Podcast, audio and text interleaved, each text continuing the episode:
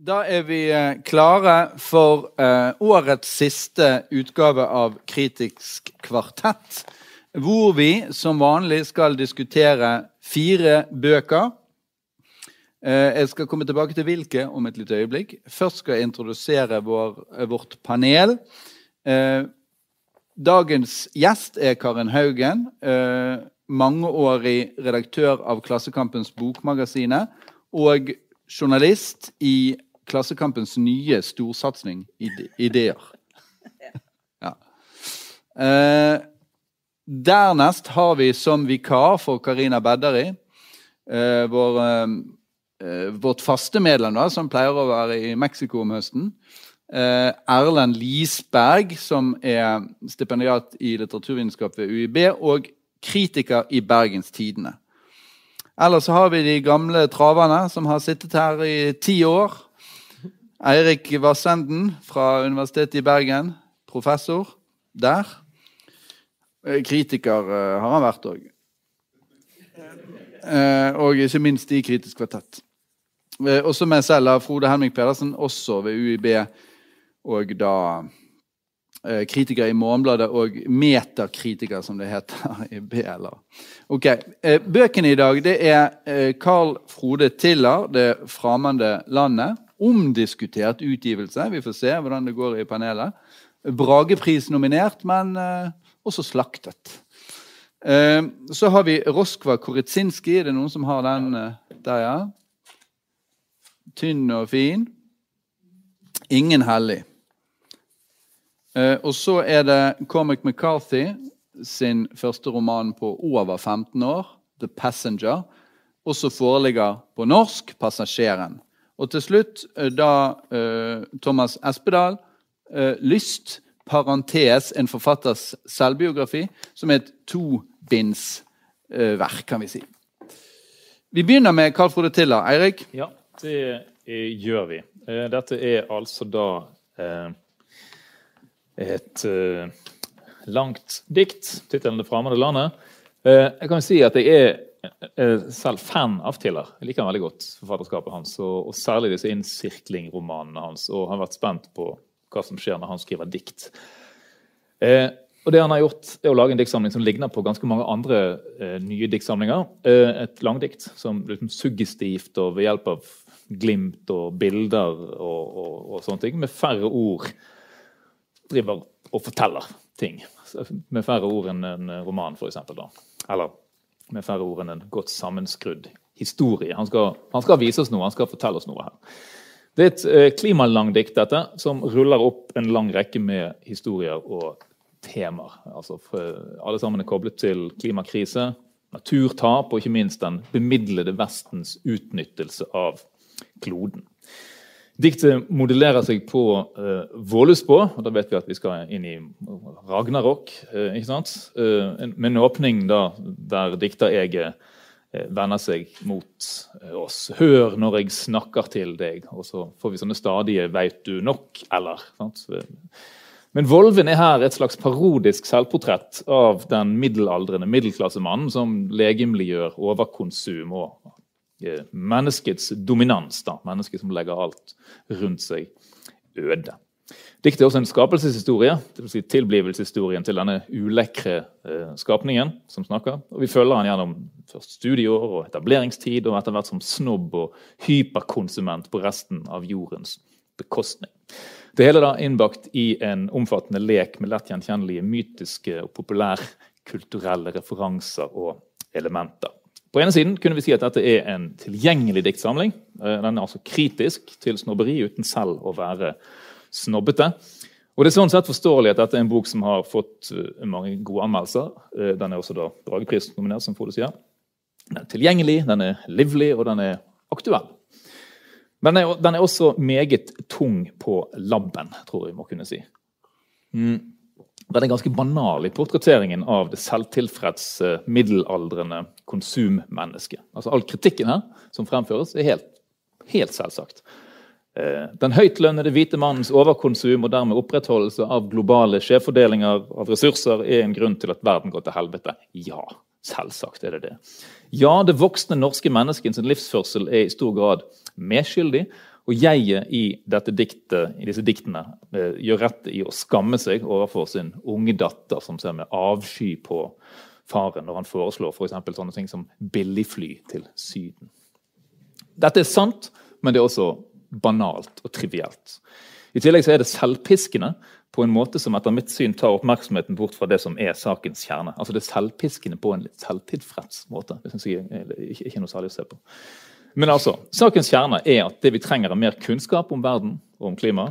Om hva vi må gjøre, og om det systemskiftet som åpenbart er den eneste løsningen ut av uh, uføre. Dette er ikke denne romanen så interessert i annet enn på uh, unnskyld, langdiktet. Uh, annet enn på et sånt uh, på et slags symbolsk nivå da, via Ragnarok-fortellingen. Jeg syns faktisk det er litt pinlig å sammenstille den, fin, sammenligne den finstilte tonen i, Stilla, i Tilla sin prosa, der han gjør subtile ting og, og, og er nyansert og osv. Og sammenligne det med den litt sånn kitsche fremstillingen av verden og av klimakrise som vi får i dette langdiktet. Så eh, jeg Eh, gir en eh, ganske stor tommel ned. Men jeg er selvfølgelig villig til å høre dersom noen har forsonende argumenter i panelet. her. Ja, da, Og da hører vi på Karin med en gang, mm. siden du er gjest. Ja. Um, du har jo ikke nevnt en veldig viktig del av diktsamlinga, som er disse sprøngene i tid, eller sammenfallene i tid. Eh, fordi det er stadig sånn at eh, Og det, det, er også sprang i verdighet, kan man si, da. Han snakker på et tidspunkt om å sanke chilinøtter. Eh, men det er sånn i denne boka at i et øyeblikk så snakkes det om et imperium, en konge og en dronning, og i neste øyeblikk sitter det i en hjørnesofa fra møbelringen. Så disse eh, sameksistensen av tidsplanene er jo på en måte et av de veldig store formgrepene i boka. da. Og det kan funke. Eh, de faller i tidsplanene. Men jeg synes at tanken er bedre enn utførelsen. Og jeg er også veldig kritisk til boka, da. Den har også en sånn frekkhet i seg, da. En sånn tone liksom vill barokk roadtrip gjennom historien og sivilisasjonen. Eh, som det er veldig mye fint i, og en ganske sånn uvøren tone. Han kan snakke om når sølvgutene begynner å pipe på TV. Eh, men den tonen blir også veldig eh, bikker også over. Da. Han kan snakke om Ibsens teite metafor, eller noen som trykker druer splash i stykker. Ja.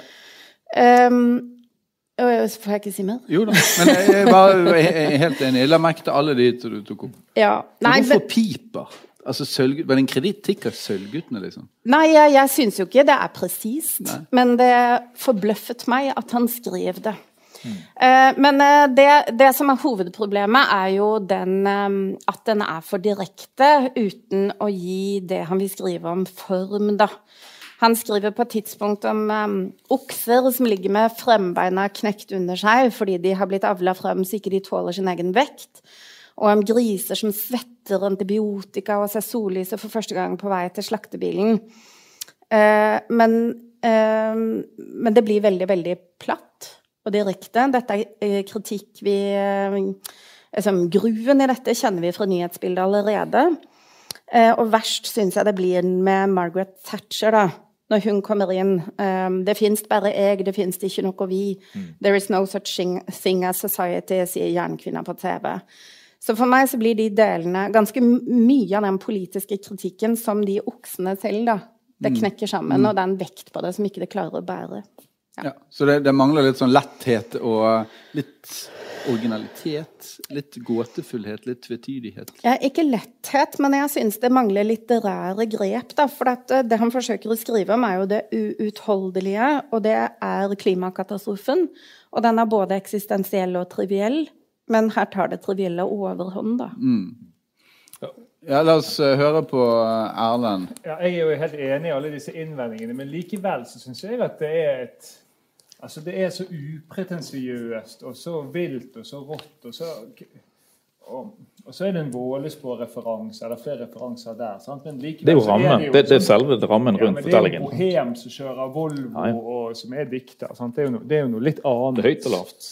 Ja, og jeg, jeg syns egentlig at det funker Det funker greit. Jeg, og, og, altså, Som poesi, sånn skal du vurdere liksom, poetiske kvaliteter, sånn, så er det kanskje kommer det kanskje ikke så høyt opp, men som en slags retorisk eh, eh, Litt sånn litt lettbeint refs av liksom, hva som er galt med samfunnet. det er Lurer du på noen altså, noen av disse tingene som er galt med samfunnet, du virkelig ikke selv kan hoste opp av, dra ut av baklommen når som helst?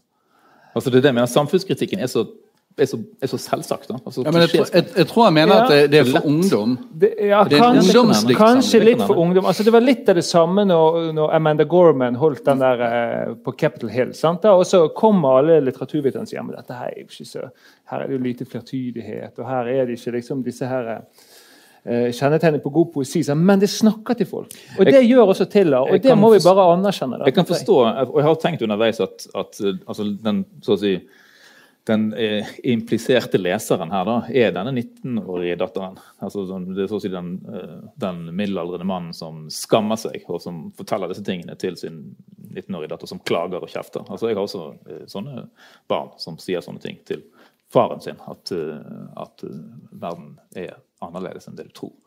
Eh, hvilket den er. Men, eh, men også den voldes på. Jeg syns dette, synes dette er, er, er ja, jeg, blir sånn, jeg blir litt sur av å lese det. Fordi at ja, selvfølgelig det uutholdelige, uh, utålelige, uh, ufattelige er klimakrisen. Og her blir det trivialisert inn i en fortelling som, som, ikke lærer oss noen ting, og ikke egentlig får oss til å se noe på nye måter her. Men, men det er også uutholdelig å lese denne boken, så sånn sett så har han fått til noe. Mm. Men, uh, men det, er jo, det er jo et eller annet med at du har, du har to sånne innvendinger mot denne type poesi. Det ene er det at det tvinger oss inn. Altså det, er ing, det, er ingen som helst tvil om hva diktsamlingen mener, og det er ingen som helst tvil om hva den vil at vi skal mene. Da er det veldig lite rom igjen til noe poesi. Eh, det andre er jo at um, enhver tidsalder, enhver kultur, har jo en masse trossetninger som så å si alltid hungrer etter å bli formulert og som alltid er så å si til stede i det virtuelle talkshowet som omgir oss på alle kanter hele tiden i de livene vi står og går i.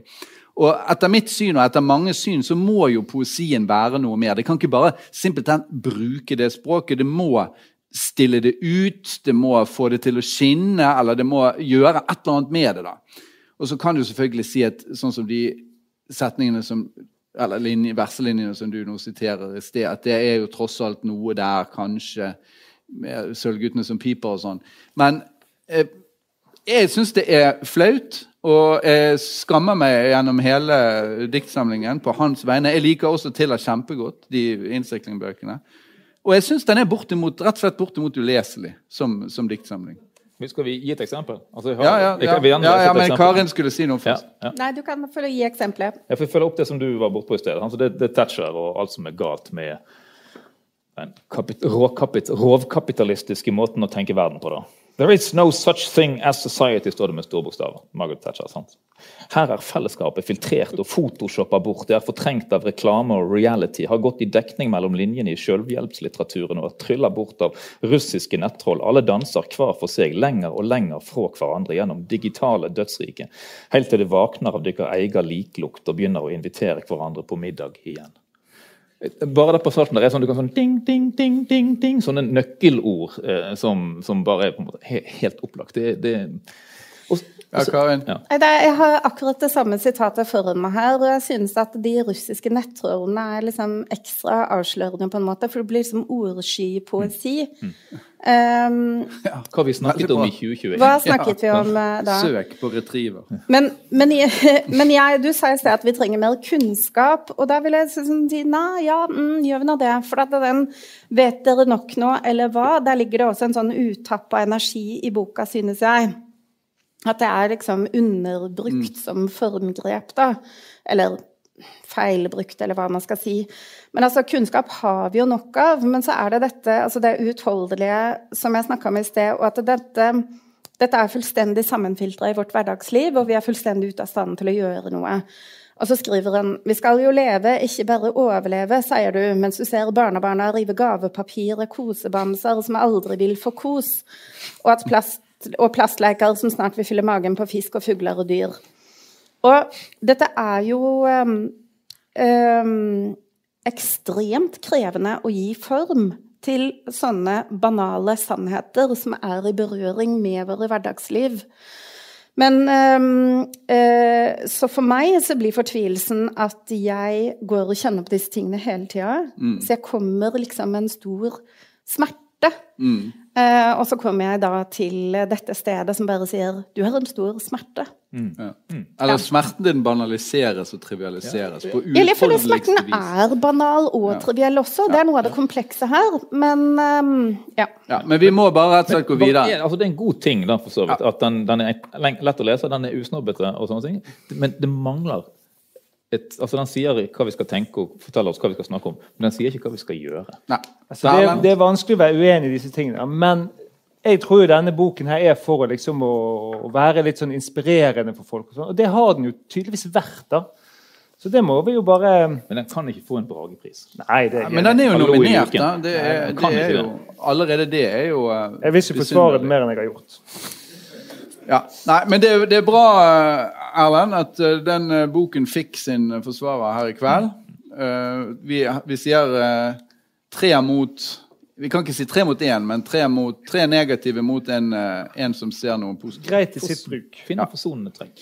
Det bra. Greit. Vi går videre til neste bok. Det er da Roskva Korytsinski, eh, som eh, altså, til tross for det polske etternavnet, er fullt og helt en norsk forfatter. Født på Galgeberg og oppvokst i Fredrikstad. Uh, og dessuten i slekt med den tidligere SV-lederen Theo Koritsinski, uh, som er en uh, bror av hennes farmor. Har jeg funnet ut. Så trenger ikke dere lure mer på det. Eh, hun eh, brakdebuterte i 2013 da hun opplevde det utrolige, nemlig at hun ble nominert til Nordisk råds litteraturpris for sin debut novellesamling her inne et sted. Eh, I mellomtiden har hun skrevet en roman, og nå altså nye noveller i en kort samling med tittel 'Ingen hellig'. Og Disse novellene er blitt beskrevet som ambisiøse. Eh, og vårt fraværende kvartettmedlem, vår kjære Karina, eh, hun har anmeldt boken i Morgenbladet og skriver bl.a. at disse novellene har tatt skrittet ut av realismen og over mot det metafysiske.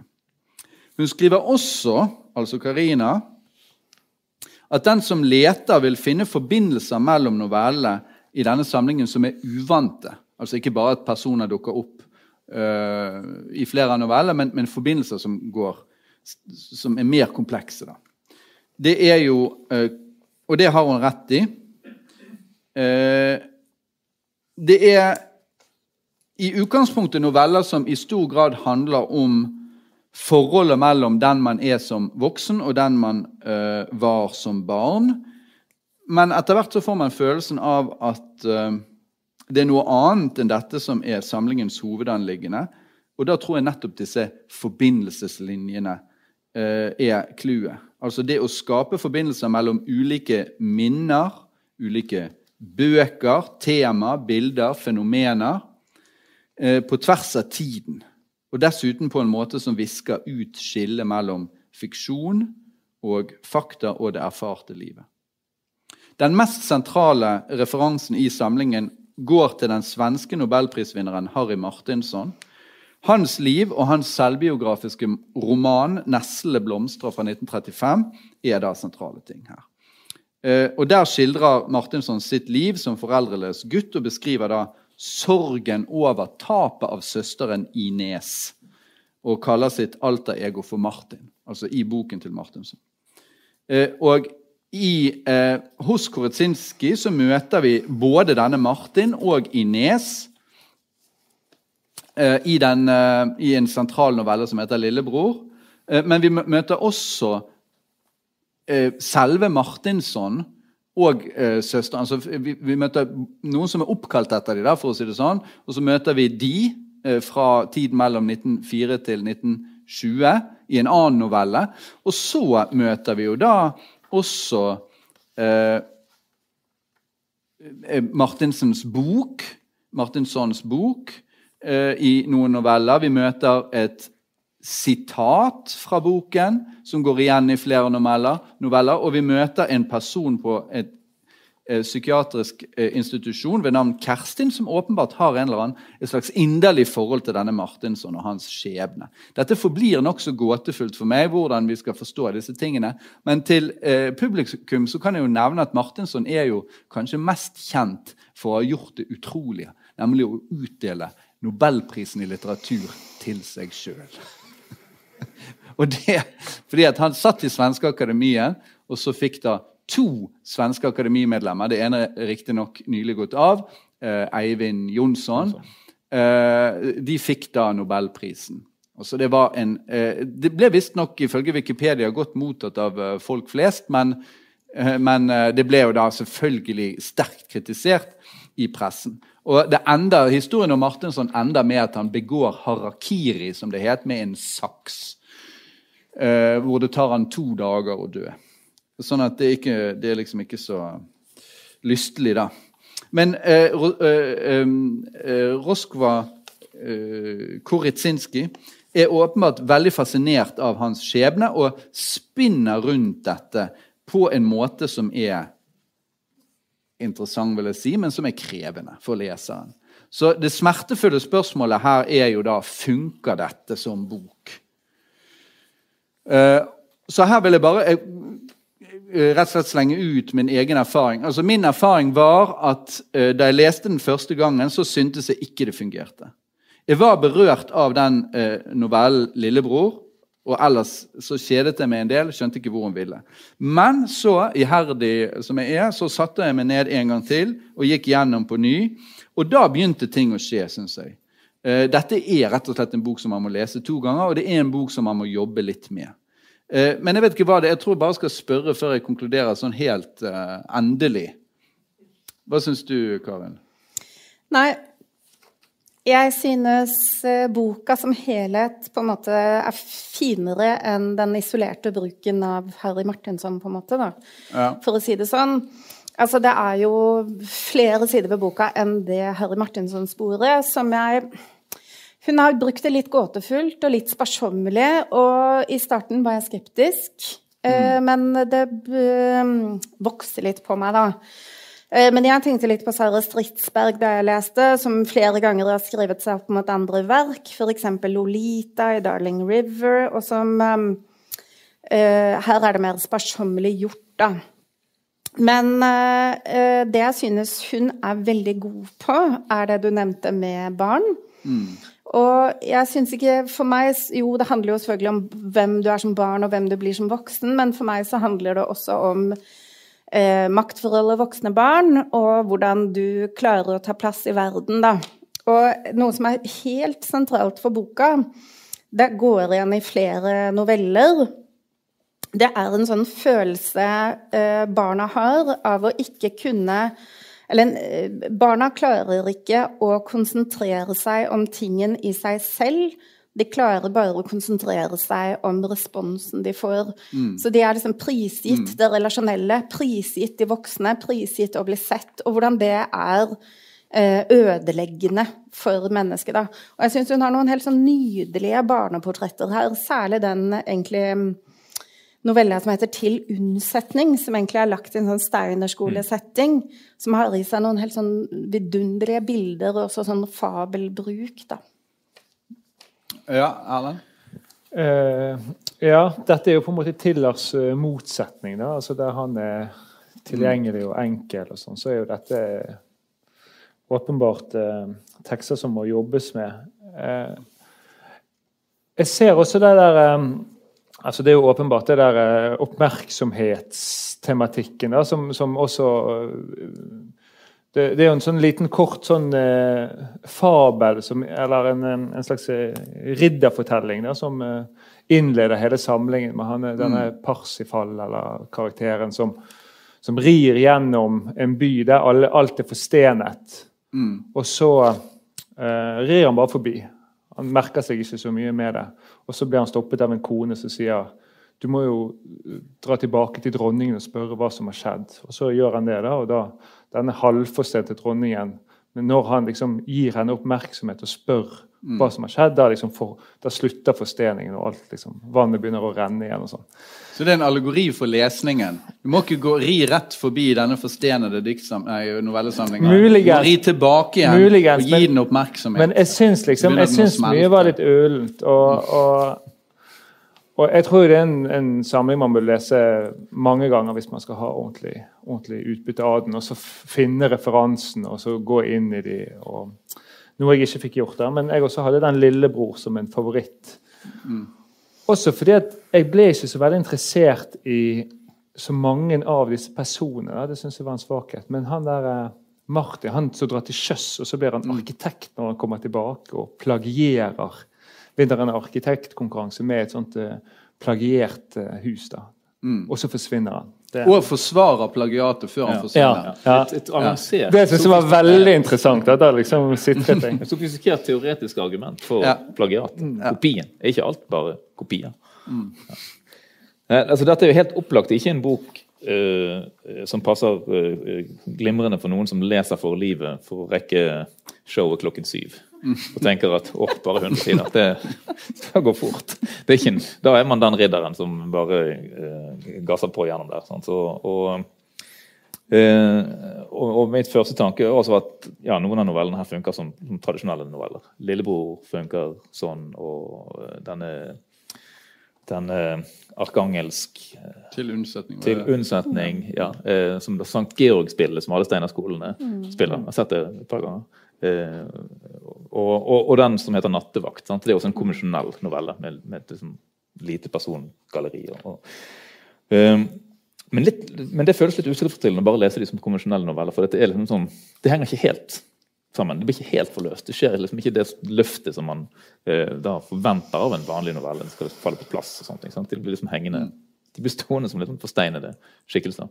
Eh, så så på den ene siden blir man, litt, blir man litt irritert når man inviteres inn i en bok som delvis annonserer at han er et sånt puslespill. At han gjør det bak med en, en, sånn- en litteraturliste nærmest, da, som, som, som peker på intertekstuelle forelegg. og Det gjør han jo også eksplisitt i, i teksten. Men, men det er også noe pirrende ved dette. da, en sånn- Noe sånn gåtefullt ved, ved det. Om vi klarer å få nok biter til å gi liv til teksten, eller puste liv i de forsteinede skikkelsene, eller, eller hva man skal si. da. Men um, Ja, Syns du han gjør det, da? Ja, den, den gjør det innimellom. Jeg syns, jeg syns Jo mer vi snakker om det, sant? det er også en sånn tekst, sant? jo mer vi snakker om det, jo mer mening eh, blåses det, jo mer liv blåses det inn i eh, lillebroren fra åpningsnovellen. Som da Ja, jeg er litt enig med, med Karen om at den, det, å leser det som en slags sånn en sånn, en, sånn, en sånn kodet tekst om Harry Martinsson. Det, det blir litt trangt. da. Men det er dere som er så glad i denne Lillebror-novella og Martin, arkitekten, det reagerte jeg helt instinktivt på, da. Fordi det som skjer i den novella, er at eh, Ines eh, skal oppsøke sin bror Martin. Og Ines har en smakfullt innrydda leilighet, og plaggene hennes koster tusenvis av kroner. Hun er utrolig bevisst på hva slags materiale de er i. de får bli spist opp av uh, majorstuebiller. Ja, så hun bor på, på vest, eh, vestkanten. Da. Og Martin han har hatt eh, voldsom suksess. Eh, I starten av 20-åra så kom han inn på arkitektstudiet, vant en konkurranse, og så ble det en debatt om plagiat, og da har hun så mye selvtillit og er utrusta med så mye i sitt indre at han sabler ned ideen om originalitet og kaller opphavsretten en egonevrose før han trekker linjer til antikken. Men hvordan har barndommen deres vært? Det som kommer frem om dem, er at de vokste opp i et hjem med rusa mor og sporadiske kjærester og fraværende far. Martin ble da tatt ut av det hjemmet og plassert i fosterhjem. Eh, og så er det jo ikke sånn at eh, litterære skikkelser skal være sosiologiske representanter. Eh, og det er jo også sånn at Harry Martinsson selv hadde en veldig utfordrende barndom og endte i Svenske Akademien. Men likevel så synes jeg det er noe sånn skingrende her, da, som bare skjærer i øynene når man leser det. Du tror ikke på det? rett og slett? Nei, jeg tror ikke på at man ender opp med å liksom beføle kasjmirgenseren sin og trekke tråder tilbake til antikken. Det, det er ikke litterært troverdig. Og jeg mener også at den novella har også, som du nevnte, som klassisk novelle, For jeg synes hun er utrolig sånn fri språklig og veldig var føl... Og det er utrolig mye fint i denne boka. Men akkurat i den novella så skal også Ines da eh, psykologisere seg selv og liksom forklare seg selv eh, med eh, tight, da. Så sier hun hun sier om seg selv 'der var det'. Hun var en som eide ting, og disse tingene måtte hun få med seg. Hun var fremdeles det samme nervøse dyret. Så det er en type sånn kondensert psykologisk portrett som jeg synes står i kontrast til det ellers fine arbeidet hun gjør da, med å fremstille hvordan folk er. Ja, men her vil, jeg, her vil jeg motsette meg på det sterkeste det du sier. Altså, For det første så er jo hun i ferd med å gå i oppløsning hele tiden. Og det er jo da symbolisert med disse klærne som omtrent faller av henne som klarer på en måte ikke Og så står det et eller annet sted også at de, er, de føler ikke selv at de er mennesker, de bare later som om de er mennesker. Og det er derfor han Martin ikke klarer dette spillet.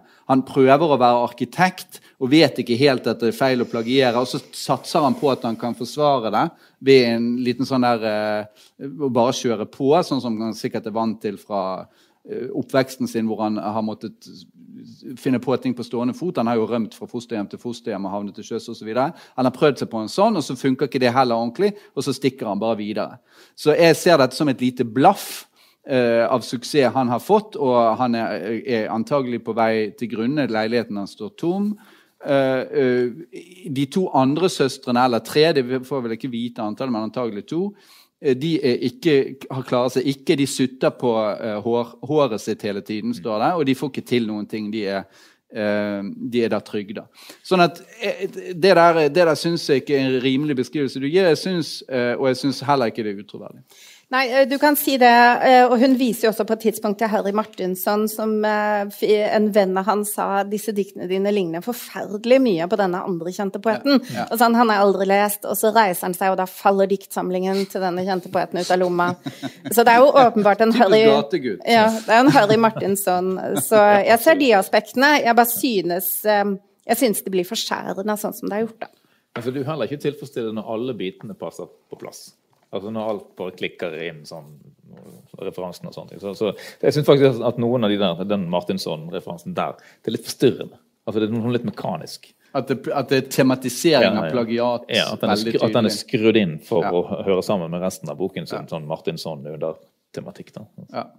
Men det, men det, at han ble, dro sjø, først dro til sjøs, og så plutselig kommer tilbake, og så blir han arkitekt, da. Det, er jo, det var liksom uhørt da, på et eller annet vis. og det da ble ja. jeg nysgjerrig. Ja. Uansett, greit. Vi, jeg, jeg, tror kanskje vi kom til veis ende i diskusjonen av denne. Vi er litt grann, Nå skal jeg bare prøve alltid å oppsummere. skjønner du.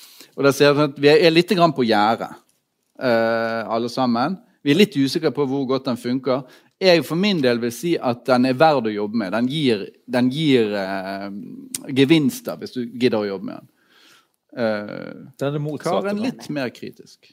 Jo, men jeg er enig, er enig at den er absolutt verdt tida. Hvem var det som sa det? Den er det motsatte av Tilla sin. Ja, det var, uh, mm. det var Bergens Tidendes uh, anmelder, Lisberg. Godt sagt.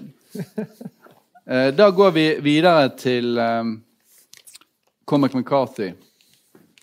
og det er Karin som har valgt seg den. Ja. Mm. Den har jeg så mye å si om at du får bare holde meg Jeg kniper deg et eller annet sted. Ja. Stump gjenstand. Mm. Um, 'Passasjeren' av Cormac McCarthy det er da um, en begivenhet uh, over 15 år siden forrige bok, som var den uh, postapokalyptiske og rystende romanen 'The Road'. Og nå bikker han snart 90, og han er en av de udiskutabelt største nålevende forfatterne i um, USA. Og romanen er umiskjennelig McCarthy, men likevel bemerkelsesverdig frisk. Så den har i seg noen nye ting. Den står i forlengelse av forfatterskapet, men er også en vending, da, vil jeg si. Så hvem er eh, Cormac McCarthy eh, som forfatter? Han er eh, særprega. Han kan skrive i en eh, nærmest sagaaktig korthugd stil men også i liksom, blomstrende høylitterære skildringer. Og det er et ganske mørkt univers. Ofte dynka i vold og blod og svik og feilsteg og skjebnesvangre valg. Samtidig så er han også um, Han har en forkjærlighet for gode historier, replikker og det folkelige og skakke og lave, da. Og så er mange av bøkene hans en meditasjon over USAs historie. Mange av dem er befolka av eh, cowboyer og ranchere med uslitelige lojalitetsbånd til sine hester. Og dette er viktig, fordi hovedpersonen i Passasjeren heter Bobby Western. Og eh, det er jo et meget sigende navn. The Guardian skrev at det er som om John Le Carré skulle kalt hovedpersonen sin Johnny Spy Thriller. um, men i navnet så altså Det spiller jo ikke bare på liksom westernsjangeren, men selvfølgelig også Vesten og Vestens historie og Vestens skyld og ansvar og misere, da. Og på et tidspunkt så sier Bobby i boka at han er et resultat av de historiske kreftene den store veven, som var Auschwitz og Hiroshima, tvillingbegivenhetene som for alltid beseilet Vestens skjebne. Og det er fordi hans far var involvert i um, arbeidet som leda frem til atombomba, og der traff han Bobbys mor, da. Uh, men i denne boka så er Bobby Western uh, bergingsdykker. Han bor i New Orleans. Uh, og han har studert fysikk og vært racerbilsjåfør i uh, Racerbilsjåfør, sier man kanskje ikke. Racerbilfører i Europa. Uh, og så hadde han en søster, Alice, som døde for ti år siden, og som er hans livs kjærlighet og store sorg. Nå står det så fint i boka. Håret hennes var som musselin. Han var ikke sikker på hva musselin var. Håret hennes var som musselin. Eh, og så får han i oppdrag å undersøke et flyvrak som ligger på bunnen av havet. og De dykker ned, og det later til at en passasjer mangler, men hvordan kan det ha seg? For da de kom ned, bergingsdykkerne, så var flyet intakt, og de skar hullet det med skjærebremmer. Og så baller det på seg med mysterier. Eh, det blir innbrudd i Bodbys leilighet. Det er noen menn som oppsøker han og vil fritte han ut. Og det viser seg at det også er borte en koffert og uh, The Black Box i flyet, altså flyets ferdskriver, som kunne fortalt noe om hva som gikk galt. Og kontoen hans blir beslaglagt, og alt er liksom paranoia og uvisse. Uh, og så uh, Skal jeg si noe mer nå, eller skal ja, det går, ja. bra. det går bra. Nei, fordi um, hun søsteren har da hallusinasjoner som begynte da hun var tolv, og hun ble innlagt, behandla med elektrosjokk, satt på antipsykotika. Uh, og de hallusinasjonene hennes er et uh, uh, helt sånn menasjeri av skikkelser, leda av en fyr kalt Tassen. Um, og de er nesten som en varietégruppe, og Tassen selv er da et slags misfoster med luffer til hender og arrete skalle. Talidomidbarn. Ja. Talidomidbarn. Ja, med keloid skalle. Mm. Mm. Um, og han er en uh, character. Han kaller henne feil navn hele tida. Han uh, snakker sånn kvasivitenskapelig, feilsnakker hele tida. Han sier men man bør uansett ikke høre alt man tror. Da setter man fort sin egen sardin i halsen. Uh, eller min favoritt ikke alt som stinker, er et minne. Ja. Men en helt sånn avgjørende del av boka er også naturvitenskap og matematikk. Fordi søsteren til Bobby var et matematisk geni, eller det som, som det også står i boka, hun var numerisk besatt. Um, og denne boka springer ut av Cormacs uh, forhold til et sånn tverrvitenskapelig forskningsinstitutt som heter Santa Fe-instituttet som ligger i New Mexico, som ble starta på 80-tallet av um, noen nobelprisvinnere. Hvor det er uh, folk fra all slags områder, fysikere, matematikere osv., som er samla. Og der har han i flere tiår hatt ulike posisjoner, han har vært med i styret, vært veldig viktig for dem. Og han har først og fremst vært der og snakka og hatt samtaler med dem, da. Og det ser man veldig tydelig eh, i boka. Delvis i dialoger om eh, strengteori og partikkelfysikk og kvantemekanikk. Men jeg mener også på dypere og mykere måter at det ligger i kjernetematikken i selve boka, da. Ja. ja. Eh, vi, vi, kan åpne for litt diskusjon, og så kan vi komme tilbake til Karens eh, dom. Eh, hva syns du, eh, Erlend? Eh, jeg likte denne boken eh, veldig godt. Eh, eh, altså det, er jo, det er jo liksom et, et, veldig høyt nivå der. Jeg måtte først lese den på norsk, og så, og så, måtte jeg titte litt på den på engelsk, for det var en del ting jeg syntes var rart. Blant annet det navnet Tassen, som jeg ikke likte som oversettelsen av The Kid. Det syns jeg var, var snålt. Men, eh, men jeg, jeg, likte den kjempegodt som en altså Jeg skjønner jo ikke disse her eh, fysikkgreiene. Og det er jo en blant annet sånn lang utlegning av en sånn samtale om eh, fysikkens vitenskapshistorie, kan vi kanskje kalle det, med ulike posisjoner og sånn.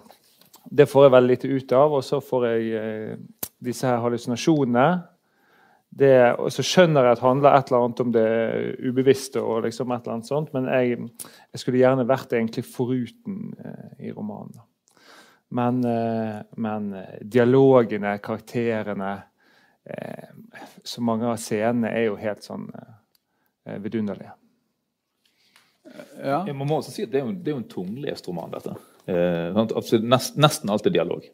Eh, og, og, man hele tiden inne i, inne i samtaler. Så på, en måte så, på den ene siden så går det veldig fort, fordi du liksom raser av gårde i samtalen. På den andre siden så sitter du og stanger mot eh, de mange sånn, tematiske eh, momentene, teoretiske momentene som jeg trekker opp. Som bakgrunnen for hele dette, det, altså det er kjernefysikkens historie. Sant? Vi, vi, dras gjennom. Og det har selvfølgelig med bomben å gjøre, sant? som er avgjørende, eller et av de avgjørende øyeblikkene i amerikansk historie, verdenshistorien, i universets, eller iallfall klodens historie. da. Um, og jeg synes også dette er en så, så det, altså det, Man kan godt kalle det en rik bok uten å si, å si det ene eller det andre om kvaliteten på det. for det, det det er mye her å jobbe seg gjennom, syns jeg. Jeg synes også de hallusinasjonene tar lang tid før jeg helt får grep om det.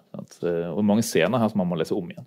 Altså Jeg begynte med en gang på nytt igjen. med jeg var ferdig med Men, men får du noensinne grep om de hallusinasjonene? Ja, jeg synes det. Det kommer på slutten. For det som, det som, skjer, er jo at The Kid, som da er liksom eh, regissøren bak, eller i alle hallusinasjonene til denne søsteren, som er sånn, en sånn genibarn, da, sant? Er, hun er genial, sant? Eh, og eller veldig syk. Sant? Uh, The Kid dukker også opp i uh, drømmene eller i virkeligheten til Bobby Western. Sånn, sånn at de, de, de, krysser over i hverandre, disse, disse verdenene. Og, jeg får etter hvert får jeg tak om det, så begynner jeg å synes det er morsomt og interessant med, med denne ja, revyen som han setter opp. Altså, og, og det er også inne i hennes minnebank eller i hennes historie. Han viser frem en, en, et fotoalbum fra hennes uh, familie som, som, uh, som, i hallusinasjonene hennes blir kommentert fortløpende. Så det brukes også til å få på plass elementer fra familiehistorien her. Uh, og så er det selvfølgelig Jeg vet ikke. altså sånt, People are a fucking puzzle. Do you know that? Did you know that? Sånn, jeg tenker på, tenker på det som et slags sånn nøkkelsitat, fordi romanen forsøker å vise det frem på så utrolig mange måter hvordan ting er skrudd sammen. Og så kan man sitte og lure på hvor ble det av passasjerene fra tittelen og fra flyvraket. Altså Det krimplottet som vi ble introdusert for fra begynnelsen, eh, det er bare, det, det er bare borte. Så, ja, så skal, Hvis vi skal tolke det på noen måte, så må det jo være noe i retning av at, at, eh, at eh, ja, denne Bobby da er en slags passasjer i sitt eget liv. Der det er massevis av ytre og indre omstendigheter som driver han rundt. Men, men, hvis vi ser bort fra plottet, så er det jo også helt vidunderlige passasjer her. Sant? Den, denne, den liksom forvirrende åpningsscenen med en jeger som går i skogen, og så finner han da et, en kvinne som henger fra et tre og dingler. Som man ikke helt vet hva man skal bruke til. Eh, som etter hvert, når man leser det på nytt igjen, så er det sånn helt, helt, slående, vakker skildring av den selvdøde eh, mm. eh, søsteren. Mm. Og, og, men så kommer vi ut i romanen på side 200, så har det vært alt mulig slags plottgreier. Så plutselig så blir det en sånn prepper-roman. Så, vi, så vi er midt inne i sekvenser fra The Road. Er, jeg ser for meg Cormac McCarthy, den 90 år gamle mannen. Han er en person som liker å sitte på stranden og stirre inn i eh, glørne fra bålet. Mm. det er sånne scener som han maner frem om igjen og om igjen her. Ja. Nei, jeg må bare si det med pripper-roman og sånne ting. Altså, jeg syns at uh, det er så mange ulike uh, temperamenter i denne romanen, da. Uh, men et av de temperamentene som dere nevnte med dialogene, altså ikke fysikkdialogene, men Bobby sine venner er veldig fargerike. Det er en veldig underlig gjeng. De er forsofne. Du har en prepper som skyter kakerlakker med hagla si. Uh, og du har småkriminelle som er rufsete, men som liker god hvitvin og sånne ting. Og de, meg, de delene minner meg veldig om hans roman 'Sutry', som ble gitt ut i 1979, 76, 79, noe sånt. Uh, som er en helt vidunderlig roman. Um, en av hans mest selvbiografiske, da, hvor han skildrer uh, Cornelius Sutry, som har som gått fra sin privilegerte bakgrunn og bor på en husbåt og liksom loffer rundt. Men jeg skal bare nevne en um, viktig tekst for denne boka. Det er den eneste sakprosateksten som Cormac McCarthy noen gang har skrevet. Det er et essay som heter The Kekulay Problem. Hvor han spør seg hva er egentlig språk, hvordan fungerer det, hvordan er fortelling mulig, hvordan oppsto det, og hva er underbevisstheten? Og så sier han at språk er jo liksom ganske nytt, og det er eh, tillært, eh, mens underbevisstheten er urgammel biologisk og ikke forbeholdt oss som art. Men så er han så interessert i hvorfor oppfører underbevisstheten seg som den gjør. Hvorfor kan den ikke bare fortelle oss det vi trenger å vite? Hvorfor tar den disse omveiene? Hvorfor snakker den til oss i drømmer og bilder? Og så Uh, og det er et fantastisk eh, essay, men det han ender med å si, er det at uh, underbevisstheten snakker til oss i bilder og drømmer fordi den vil at vi skal streve med ting, fordi den vil at vi skal dvele ved ting.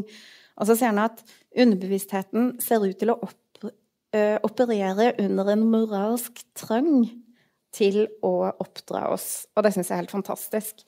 Og veldig mange av de samme innsiktene kan man finne igjen i romanen, da, både når det gjelder det matematiske, og når det gjelder søsterens hallusinasjoner, um, og for så vidt også mysteriet, da. Så ja, på mange måter en meditasjon over hvordan vi kan gripe verden, og hvor umulig det er, da. Men, men jeg vil også si at hele romanen på sett og vis er unnvikende.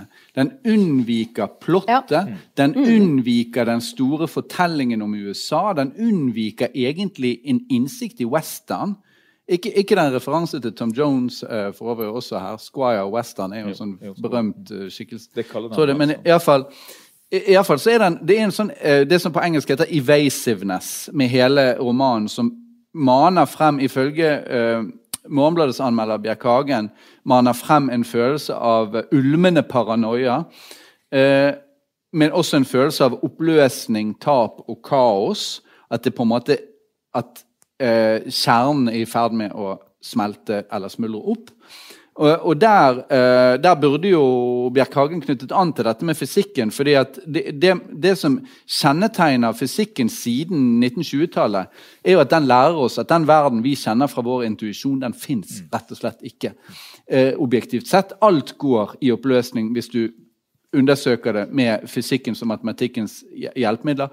Uh, materien fins ikke, det er bare et kaos av kvarker og, og, og partikler. og vi, vi, vet ikke engang hva, om ting er på samme sted som vi vi, ikke, vi, vet ikke hva tid og sted det er, egentlig. Det kunne vi ignorere. Ja, sånn at, ja, så alt går, alt går liksom i opplevelse. Han, han, han, han, har, Det er liksom grunnstemningen her, at, at alt er i en sånn tilstand av, av å unndra seg vår forståelse eh, inkludert av denne romanen.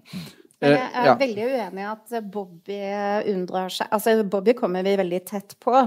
Vi kommer veldig på tett på hans ja, Det kan jeg ikke forstå. Men, men det er masse greier vi, vi fortsatt lurer Tett på hans språk. Tett på Det er jo eh, Jeg føler jeg som bader i Bobbys kjerne, jeg.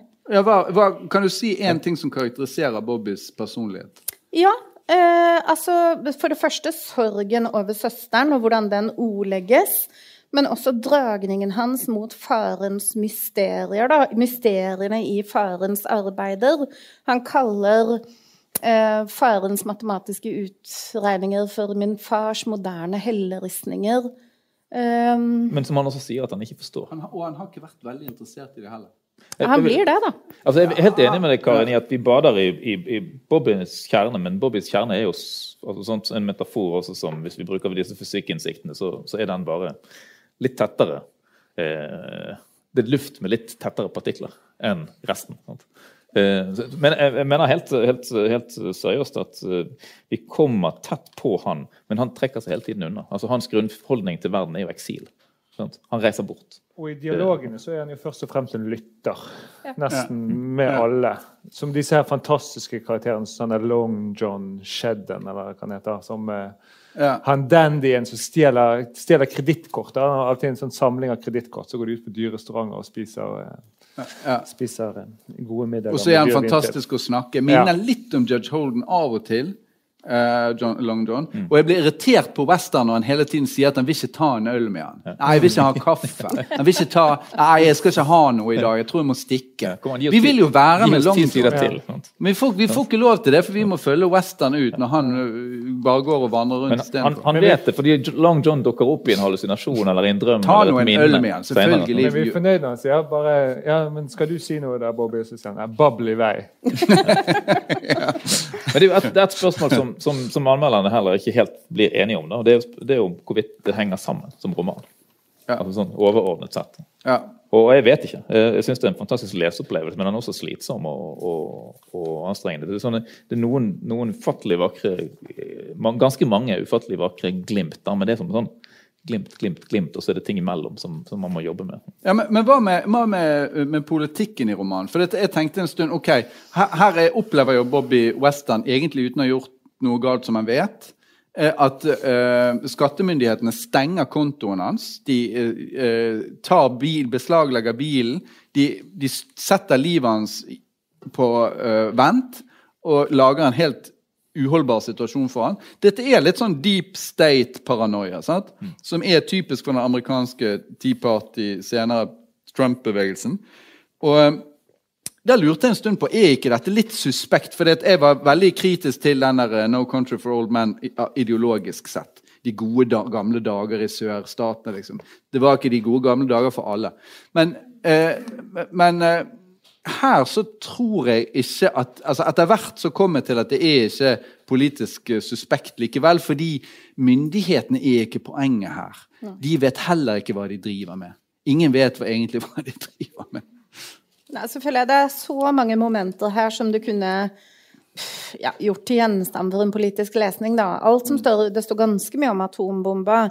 Eh, det står ganske mye om overvåkning. Mm. det er et eh, veldig fint portrett eh, av eh, Hans Trøns eh, venninne. Altså, man kunne holdt på sånn i det uendelige. Det er tirader om liksom Nå kan vi ikke kalle det rusmisbrukere lenger, vi må kalle det brukere. Det er- Man kunne holdt på sånn, men eh, der syns jeg i alle fall han blir unnvikende. At det er ikke, det Ja, er, enig, det er ikke sånn han ja, er opererer, da. Men Og så er det noe morsomt med det der, den Kennedy. Det er jo en egen sånn teori om Kennedy, en sånn konspirasjon rundt hans, eh, eh, hans død, da. Som også virker liksom helt sånn Det er jo han privatetterforskeren som forteller om det. Og det virker bare helt sånn trivielt. Han sier selvfølgelig var det sånn, selvfølgelig var det sånn. Og den konspirasjonen med Bobby virker jo mye sånn større og dypere og mer ja, så teorien er at det var hele tiden Bobby de var ute etter. Sant? Det er teorien til Klein. Ja, det var det er Bobby de egentlig uklart, ville ta livet av, og så måtte de ta livet av JFK først, for ellers så hadde ikke det fungert. Eh, og så, la, så gjør de det, og så viser han der hvordan denne riffelen til Lee Harvey Oswald var så elendig at du kan aldri Du kunne ikke klare å drepe noen president med den. Altså på den avstanden. Ja, og så videre. Så den er morsom, da, den teorien. Mm. Og, og Klein generelt er jo en, en uh, artig karakter, da. Blant mange andre artige karakterer. men akkurat det er vel kanskje noe av det minst originale med denne romanen. Altså å gå inn og diskutere Absolutt. absolutt. JFK-mordkonspirasjon. Men det frisker opp, vil jeg si. Eh, men eh, Nei, altså Og så er det en ting til som jeg kunne tenkt meg å nevne, er disse setningene Han får til sånne setninger av og til som bare står der, som sånne herre, nærmest som de er hugget i stein. Jeg kan lese én av de. Jeg leste den på engelsk. da. Jeg vet ikke om dere forstår den, men, eh, men jeg kan tenke på den. We would hardly wish to know ourselves again as once we were, and yet we mourn the days. Skal jeg prøve å oversette den? Jeg tror, jeg tror bare la Den stå. den er oversett. Ja, ja, jeg tror bare la den stå. Men, men eh, det er et sånt paradoks i menneskets forhold til fortiden og tiden som går. da. Ja. Eh, skal, vi, skal vi si oss fornøyd eh, med hva, Skal vi oppsummere litt, tror jeg? For at den, altså, henger den sammen altså Bjerkhagen i Morgenbladet skrev at den er litt vanskelig å like. Det kan jeg forstå at han skriver. Eh, det er, men jeg likte den veldig godt tidvis. Og det veier ganske mye opp for at helheten kanskje fremstår som litt for spredt ut og ufokusert. Altså, det er jo masse ting som ikke er skjøta sammen her. Ja. Åpenbart. Men jeg tenker at det Noen ganger er det sånn. I billedkunsten har vi kubisme. I litteraturen må vi kunne ha dette. Ja. Og så kommer det en Så kommer det en søsterroman 6.12. som gis ut, som heter Stella Maris. Som er mer om søsterens historie. ja. Og det betyr jo også at vi må avvente egentlig den endelige vurderingen. Ja, men vi kan jo si Altså, jeg eh, For meg er dette den uten tvil beste boka her i kveld. Ja ja. ja. Det, vi er jo ikke ferdig med Nei, men det jo det kan vi si. Fors- det kan vi forskuttere. Vi vi kan røpe såpass, tror jeg. Ja. Men uten den der søsterromanen som skal komme ut, så vet vi ikke, så syns jeg det er en del rart i romanen rundt hun søsteren. Ja, man lengter etter mer. Ja, det må være noe Om mer henne. som kommer der, Sant. rett og slett. Enormt glad for å ha lest denne boken. Jeg var ikke det hele veien underveis. Men, men, men den, den Deilig å bli ferdig. Ja, og så, men så, og så syr den det sammen på et vis. da. Sant? Han ender opp eh, i eksil på Ibiza og, og drikker vin med, med spanjoler. Og, og tenker over livet sitt og venter på å dø mens han ser inn i bålet på stranden. Liksom. Ja, ja. De, de første 100 sidene er jo også tyngst, de tyngste, syns jeg. Altså Det er da det er mest sånne kursiverte partier, og vi er mer inne i Bortsett fra at òg i de sidene får vi den fantastiske førsteskildringen av eh, søsteren som henger, og vi får den fantastiske skildringen av flyet på bunnen. Eh, som virkelig er, er liksom helt der oppe. Ja. Og så, eh, nå har ikke vi kommentert det der med at han drar til Europa, og, og Cormac McCarthy er jo ikke en europeer på noen som helst slags måte. Så jeg føler vel kanskje at eh, Europa er liksom ikke det stedet hvor han eh, Men det, det er akkurat som om han vil tilbake til det der med det gamle landet. Eh, hvor liksom kartagerne satt i sin tid. Altså han vil liksom enda eldre. Ja. Og det drar man til Ibiza. Ibiza. Han har bodd der selv, han, Ja, ja i sin tid. Ja. Tassa rundt og drukket vin og Ja stirret inn i bål. Ja. ja da, men, eh, men, men eh, vi, vi kommer ikke til bunns kanskje i det, for vi må, vi må videre nå, tror jeg. Eh, og da går vi til Thomas Espedal. Den heter eh, 'Lyst eller lyst'. Eh, en forfatters selvbiografi. Eh, ja. Ja, den kommer jo i en sånn boks og dette her. Thomas Esper har jo lenge, lenge varslet at han skulle skrive en selvbiografi. liksom eh, Kjøre det der selvbiografiske prosjektet sitt fullt ut. og Nå skulle han endelig gi en eh, selvbiografi. På Facebook, for de som har fulgt han der, så kan man se at han skrev at nå er jeg ferdig med kapittelet i biografien om Litteraturvitenskapelig institutt i Bergen. Og man, te man tenkte seg kanskje at han skulle skrive en, en sakprosautgivelse. Altså en ordentlig selvbiografi. Eh, det har han jo da ikke gjort, men han har skrevet nok en Espedal-roman. Eller kanskje to romaner. For det er en sånn boks som inneholder da to bind. Som er skrevet i ganske sånn gjenkjennelig espedalsk eh, prosa. Den ene, 'Fruktene av et arbeid', som er den lengste på sånn rundt 250 sider, omhandler hvordan Altså en kronologisk fortelling om tiden fra barndom i Skytterveien og senere i Øyjorden. Et lite klasse, en liten klassereise der. Og så til han da debuterer, og en stund etter han har debutert som forfatter da med denne boken 'En vill flukt fra parfymer'. Er ikke det den heter? Av parfymer. Av, parf av parfymer. Eh, Espedal går her da gjennom en del sånne hendelser som åpenbart representerer noen sånn større ideer for ham. Han må liksom bryte med samboeren, for da lærer han seg å, liksom å bryte ut og ikke ha bindinger. Han møter eh, Arne Norheim i Grieghallen, og liksom da skjønner han at han må beundre de som på en måte har fått til det han vil få til. og sånne ting. Da. Og han må lese Rambaud, han må lese Prost for liksom å finne idealene. og og, og, og masse sånne ting som vi også har lest før. prosjektet er hele tiden å bli forfatter og bli fri. Han må bli fri for å bli forfatter. Eh, den er litt sånn strengere komponert enn tidligere Espedal-utgivelser. Har litt mer sånn prosjektpreg, kanskje. Sånn som de tre siste romanene hans. Altså eh, eh, og går, ja, altså jeg, jeg, følger kronologisk, og godt over halvparten er fortalt i tredje person. At Espedal omtaler seg sjøl som 'han'.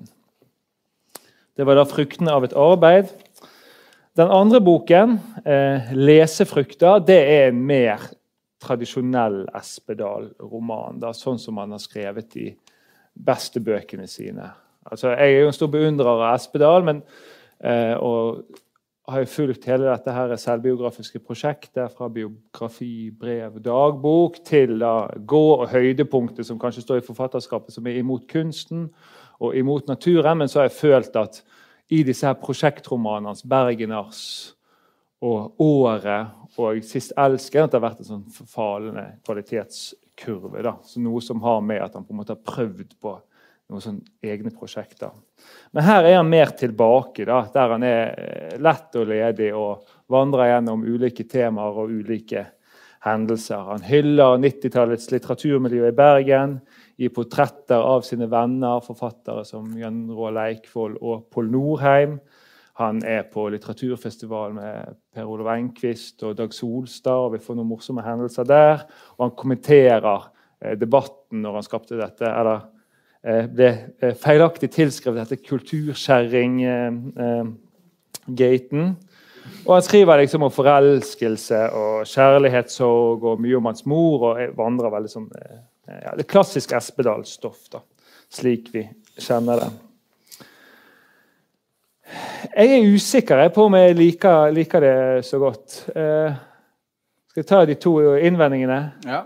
Det, for det første så er det at det er utrolig mye gjentagelse. Mye mer gjentagelse enn i tidligere romaner. Jeg føler jeg, Nesten halve bøkene har jeg lest eller hørt eller sett før. Da. Altså Enten lest i Espen-romaner, hørt ham fortelle i intervjuer. altså Alle disse anekdotene kommer gang på gang. Altså, hvor mange ganger har ikke vi hørt om denne skrivemaskinen som et instrument han fikk av sin mor? For eksempel? mm. Det er sikkert over 20 ganger. Mm. Eh, og så syns jeg han gjør en del det, ja, det nye som kommer til, syns jeg ikke funker så godt. Jeg lurer på om det har med at han ikke lever dette her eh, ville poetiske livet lenger, som småbarnsfar. Jeg syns egentlig ikke det er så spennende å følge når han skriver om livet med barnet, selv om jeg er småbarnsfar sjøl. Um, og så er det litt sånne rare valg underveis. Jeg liker ikke at han skriver i tredje person. Er, Jeg syns han er mye bedre når han skriver i jeg-form. Og jeg skjønner ikke helt det grepet. Og så liker jeg ikke så godt heller da, i denne her frukten av et arbeid at det blir litt sånn skjematisk. At det skal være hendelser som knyttes til en, noen sånne ideer eller er en slags guidebok da, på et vis til hvordan bli forfatter. Ja, Karin, du har allerede sagt at du ikke likte den like godt som forrige bok. i hvert fall. Eh, ja, nemlig. Den under Cormac McCarthy. Nei, altså Jeg tenkte på det, det Tidligere i høst så kom det en um, antologi redigert av Lars Søbby Christensen som var sånn 'Forfatternes hjem, på hjemmekontor'. Og så tenkte jeg liksom Å, hjelp. mm. Den kommer jeg ikke til å prioritere, tenkte jeg. Og så, Da jeg så Espedal, presentasjonen av Espedal sin bok For jeg, jeg er også glad Jeg syns også han har gjort veldig fine ting. Men presentasjonen av denne boka var da en roman om å lese og skrive om byer. Om å skrive for hånd. Og så tenkte jeg uff, skal vi liksom inn i ja, Kundens datter i Lars Saabye Christensens antologi, da. Og så leste jeg bøkene, og så er det jo selvfølgelig mye mer temperamentsfull og egenrådige enn som så. Og så leste jeg din anmeldelse, den sto på trykk. Mm. Uh, og så leste jeg bøkene, og så tenkte jeg ja, enig med han Helmich, han er klok. Den ene boka er bedre enn den andre. Men så kikka jeg på anmeldelsen din og oppdaga at vi har jo diametralt motsatt oppfatning. Det hadde BTs anmelder òg. For jeg eh, mener at fruktene av et arbeid er mye bedre enn lesefrukter, som jeg syns er altfor anekdotisk og altfor pratsom. Og jeg skjønner veldig godt hva du mener med at den er for stram og for lite espedalsk og for, for prosjektete, men språket er veldig mye bedre, da. Eh, og innsiktene er også mye viktigere. I lesefrukter så skal vi inn i papirtykkelse og hva slags kulepenner om foretrekker. Eh, og jeg syns jo de aller beste bøkene, det, nei, de aller beste tingene er jo det han skriver om uh, særlig moren. Mm. Uh, men også vennen Robert og det bergenske borgerskap og klasse. Uh, mens det er jo veldig mye kunstnerromantikk her, da.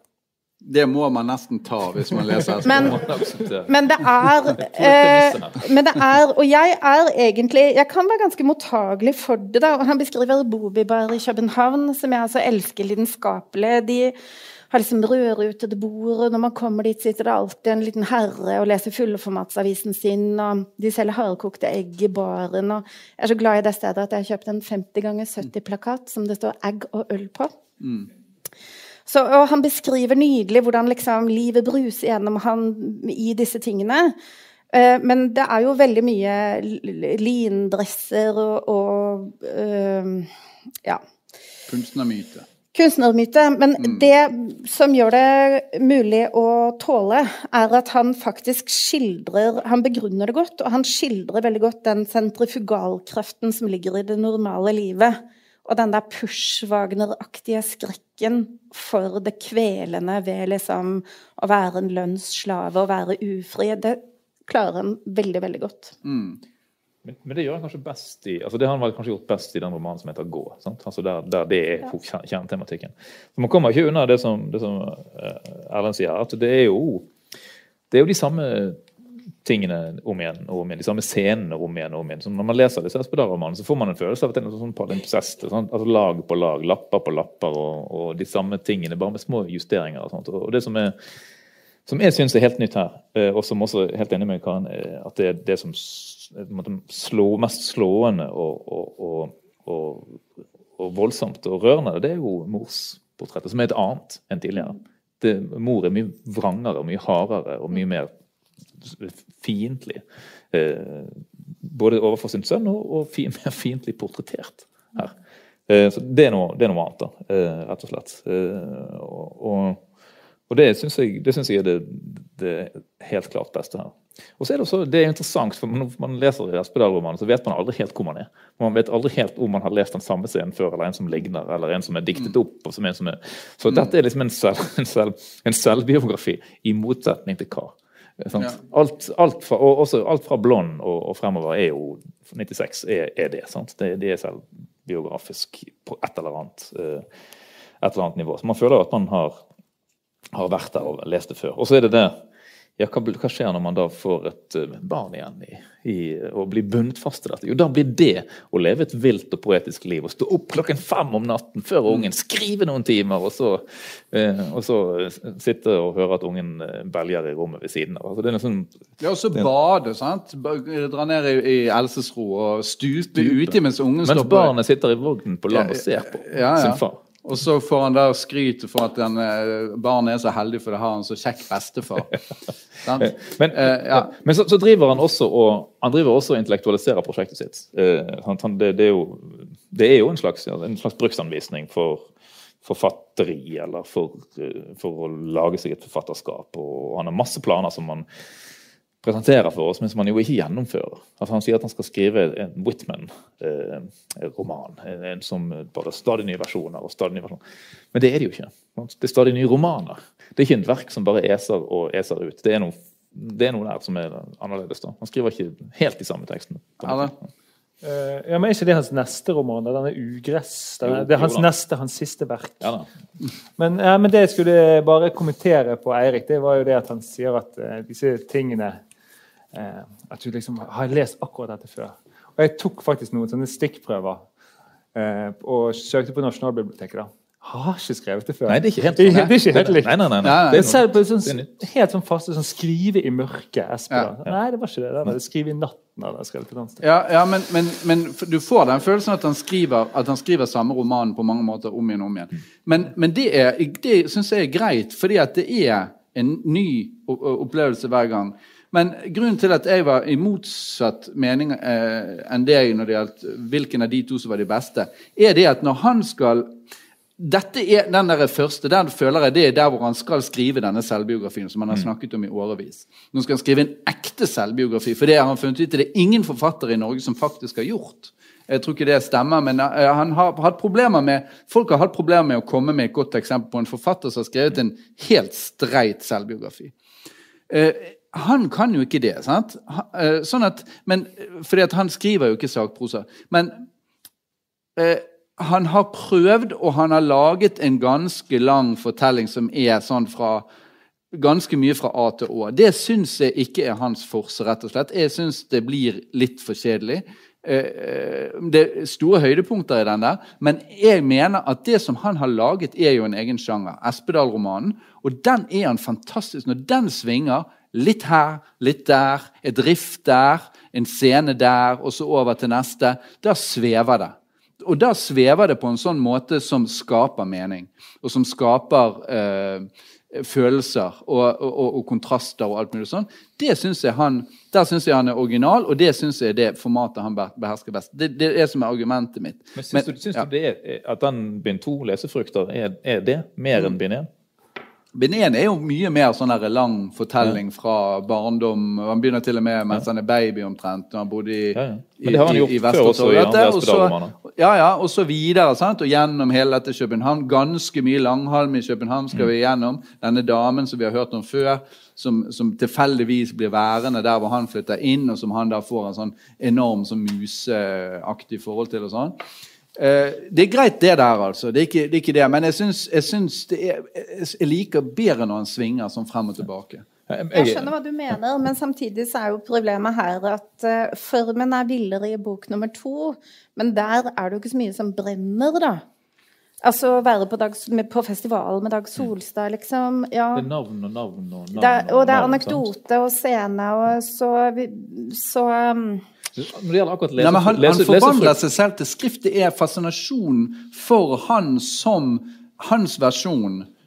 Altså hans skriftversjon av seg selv. Ja, da, og, og der er, han, der er han sånn, Det er det man fascineres av. Selvfølgelig. Det, det er ikke liksom er, det at nå har jeg lært noe nytt om hans mor. Nei, men sånn, det, det, okay, altså, Jeg er jo ikke men, interessert i å lære noe nytt om hans mor, men altså, det han sier altså, Han sier om moren, da Hun luktet avstand. Jeg syns det er helt fantastisk. Og så skriver han om at da han blir født, så står det 'et kolossalt barn'. Så lite at det ble for stort for moren og faren. Hvor skulle de gjøre bevegelsene sine, det lille de hadde av frihet? Det er jo et trykk her. Det er jo gode uh, ting som Jeg er helt enig, helt enig med Karin. Altså, jeg synes Den første der er han et, mye mer av et levende menneske. I den første. I den andre er han et lesende menneske. Men han er ikke og svakheten med Jeg syns også bind 1 er best her, eh, helt klart. Svakheten med bind 2 er at altså Lesefrukter det er jo en sjanger. sant? Uh, Vise frem hva du har lært, hva du har lest, hva du har lært. Uh, og, og, Jeg får følelsen av at han viser frem fruktene mer enn at han klarer å dele smaken og duften uh, av det. Og det er mye navn, mye oppramsing. Altså Slutten på Rilke sin uh, Malte Lauritz Brygge er også mm. lesefruktene. sant? Mm. Og, og, han har jo masse sånne Rilke-riff inni her. Massevis, uh, men han, han, er jo Rilke er tung når han begynner med lesefruktene sine, etter mitt syn. Mm. Mens, mens, Espedal er lett når han begynner med de, og jeg syns det svinger bedre.